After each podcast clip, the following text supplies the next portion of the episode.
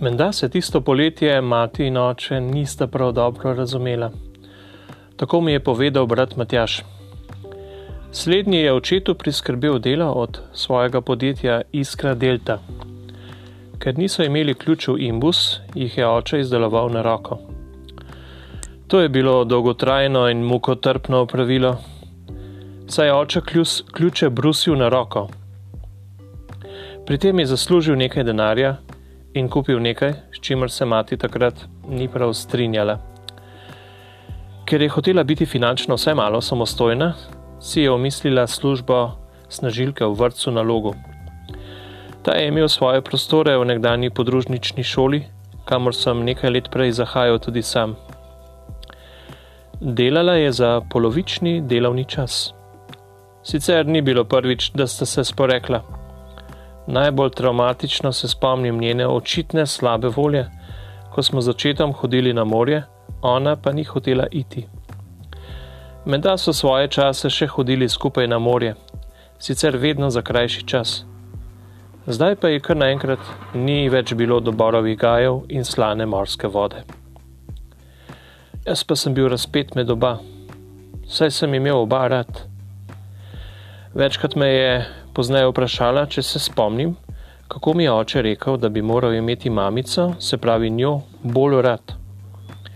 Jaz se teh očetovih besed ne spomnim, tudi ne tistih njunih veselih trenutkov, ko sta si sušila premočeni glavi pred odprto pečico. Spraševala me je namreč tudi, ali se spomnim tega prizora.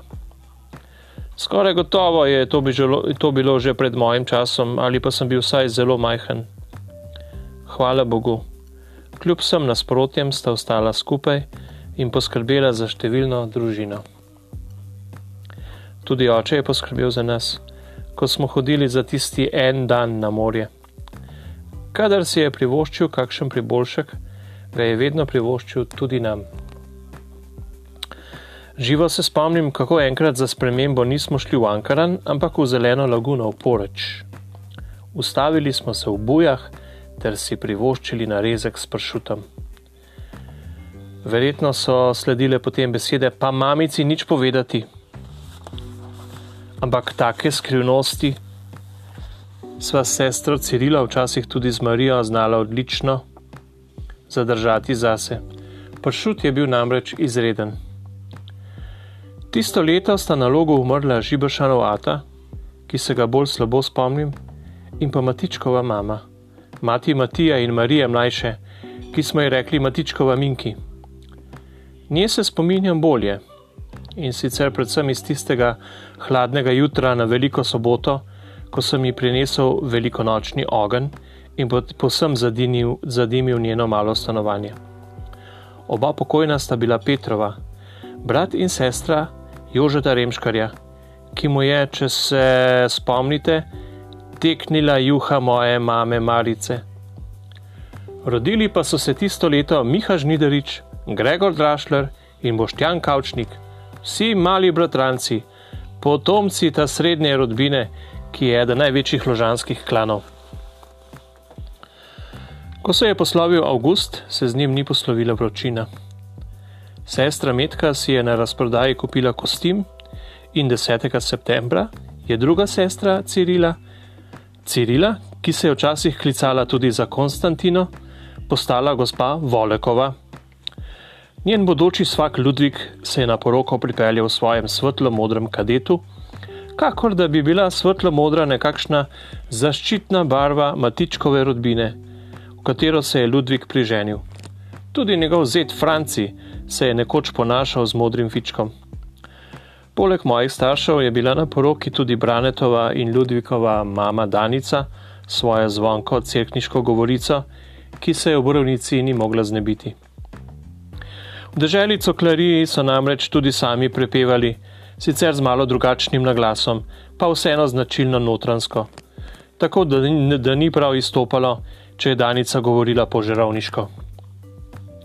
In tudi, zakaj bi se morala znebiti tega lepega govora? Njen mož Ludvik, ki je bil prometnik, je bil že 13 let pokojni in je počival na Dravskem pokopališču.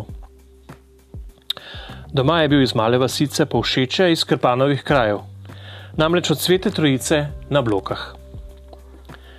Po poroki smo se odpravili k zgornjemu Kirnu v Kamnik pod Krimom, kjer smo imeli poročno kosilo. Po okusni jedači in pijači je gostilničar prinesel račun. Jaz pa, sem, jaz pa sem že prej nekako izračunal, koliko bo vse skupaj stalo.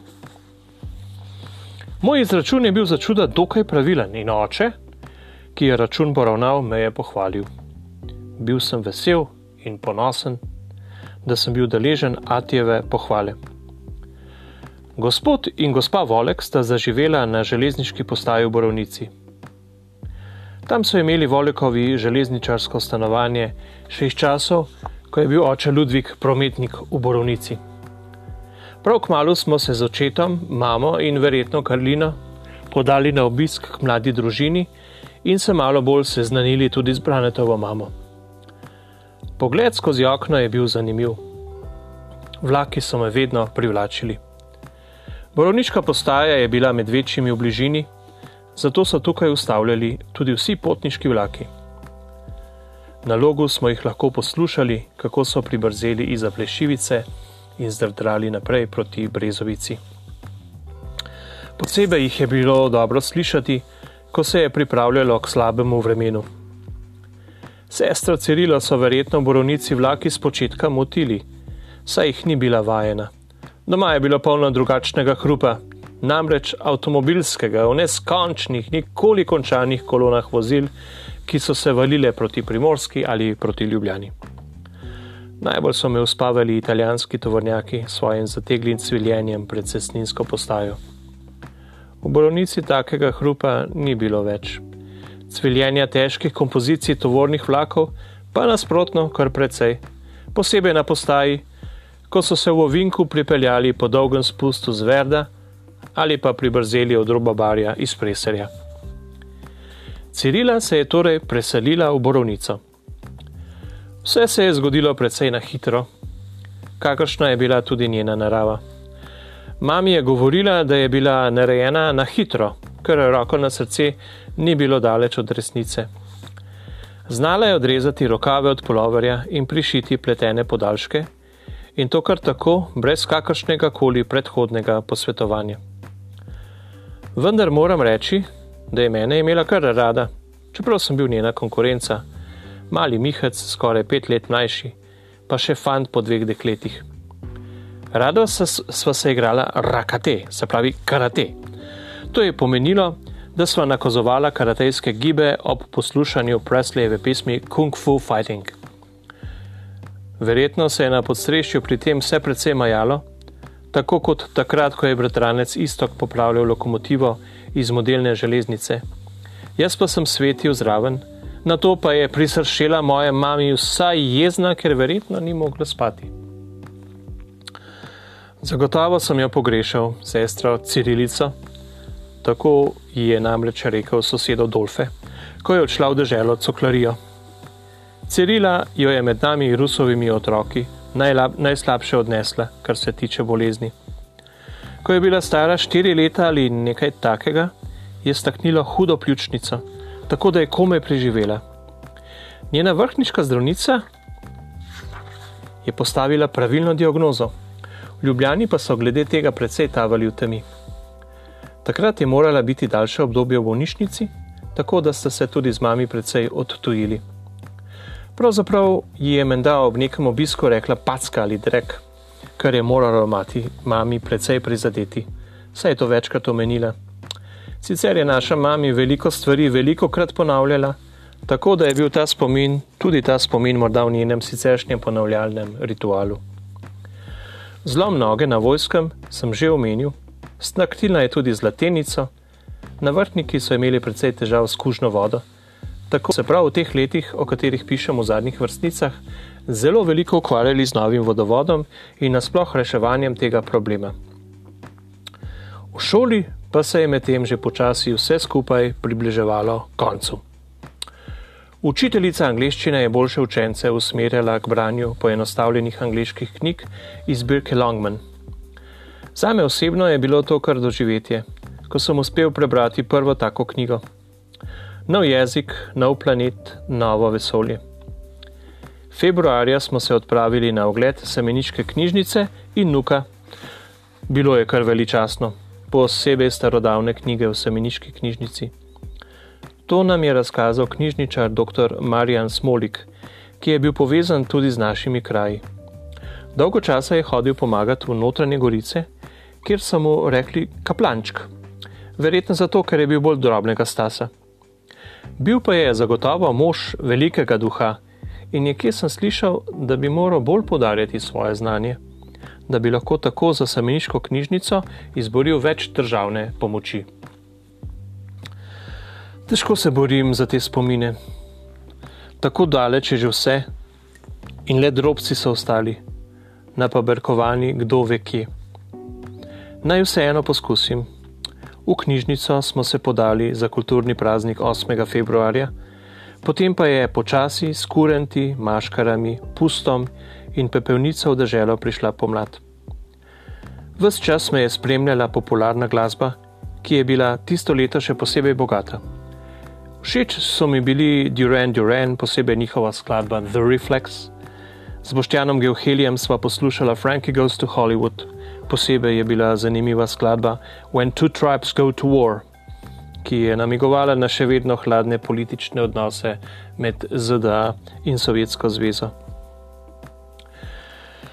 Seveda sem z zanimanjem, če sem le mogel, gledal videe o videomiksu Darija Divjakija na koperski televiziji. Zelo mi je bila všeč tudi skladba Say, Say, Say, ki sta jo zapela Paul McCartney in Michael Jackson. Zgodba v videu je postavljena nekam na ameriški divji zahod, kjer nekdani Beatle in zlati glasek iz družine Jackson v družbi Linde Eastman uganjata vragolije in zraven prav lepo prepevata. Pri slovenščini smo tisto pomlad prebirali Jurčičevega desetega brata. Z napredno tehniko nam je pomagal sošolec Robert Novak. Doma so imeli namreč videorekorder, kar je bilo spet tehnološko čudo ki ga je Robertov oče prinesel iz Nemčije. Robert je poskrbel tudi za posnetek Duletičevega istoimenskega filma, ki smo si ga ogledali pri uri slovenščine.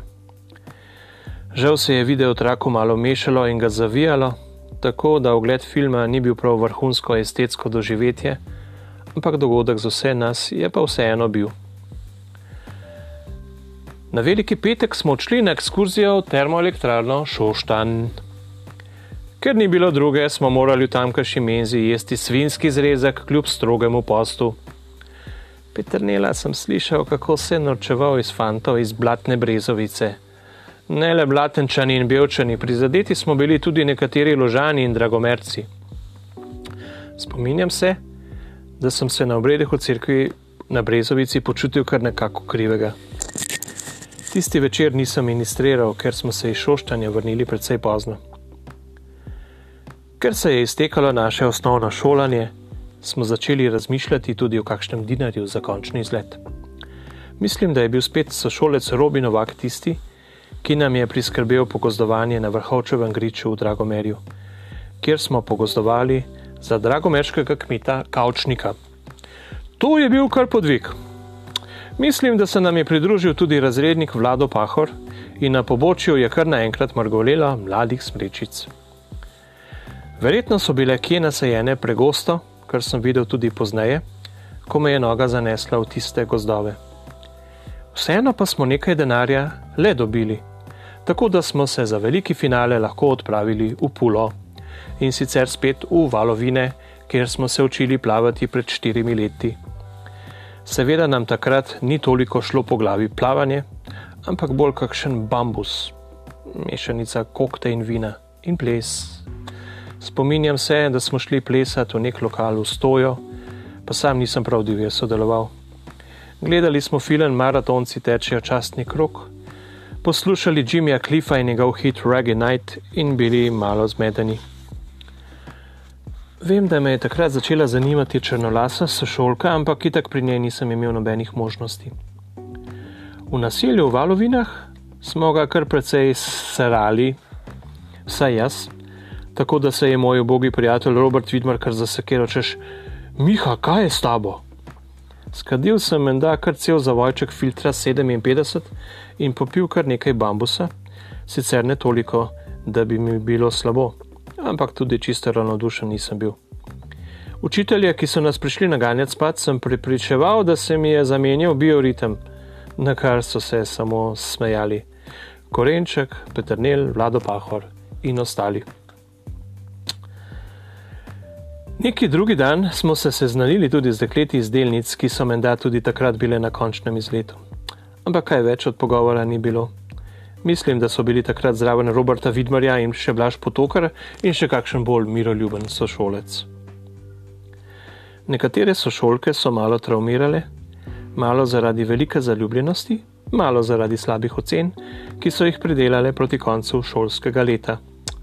V valovine so prišli tudi nekateri frajeri iz vrhnike, ki so bili všeč našim dekletom.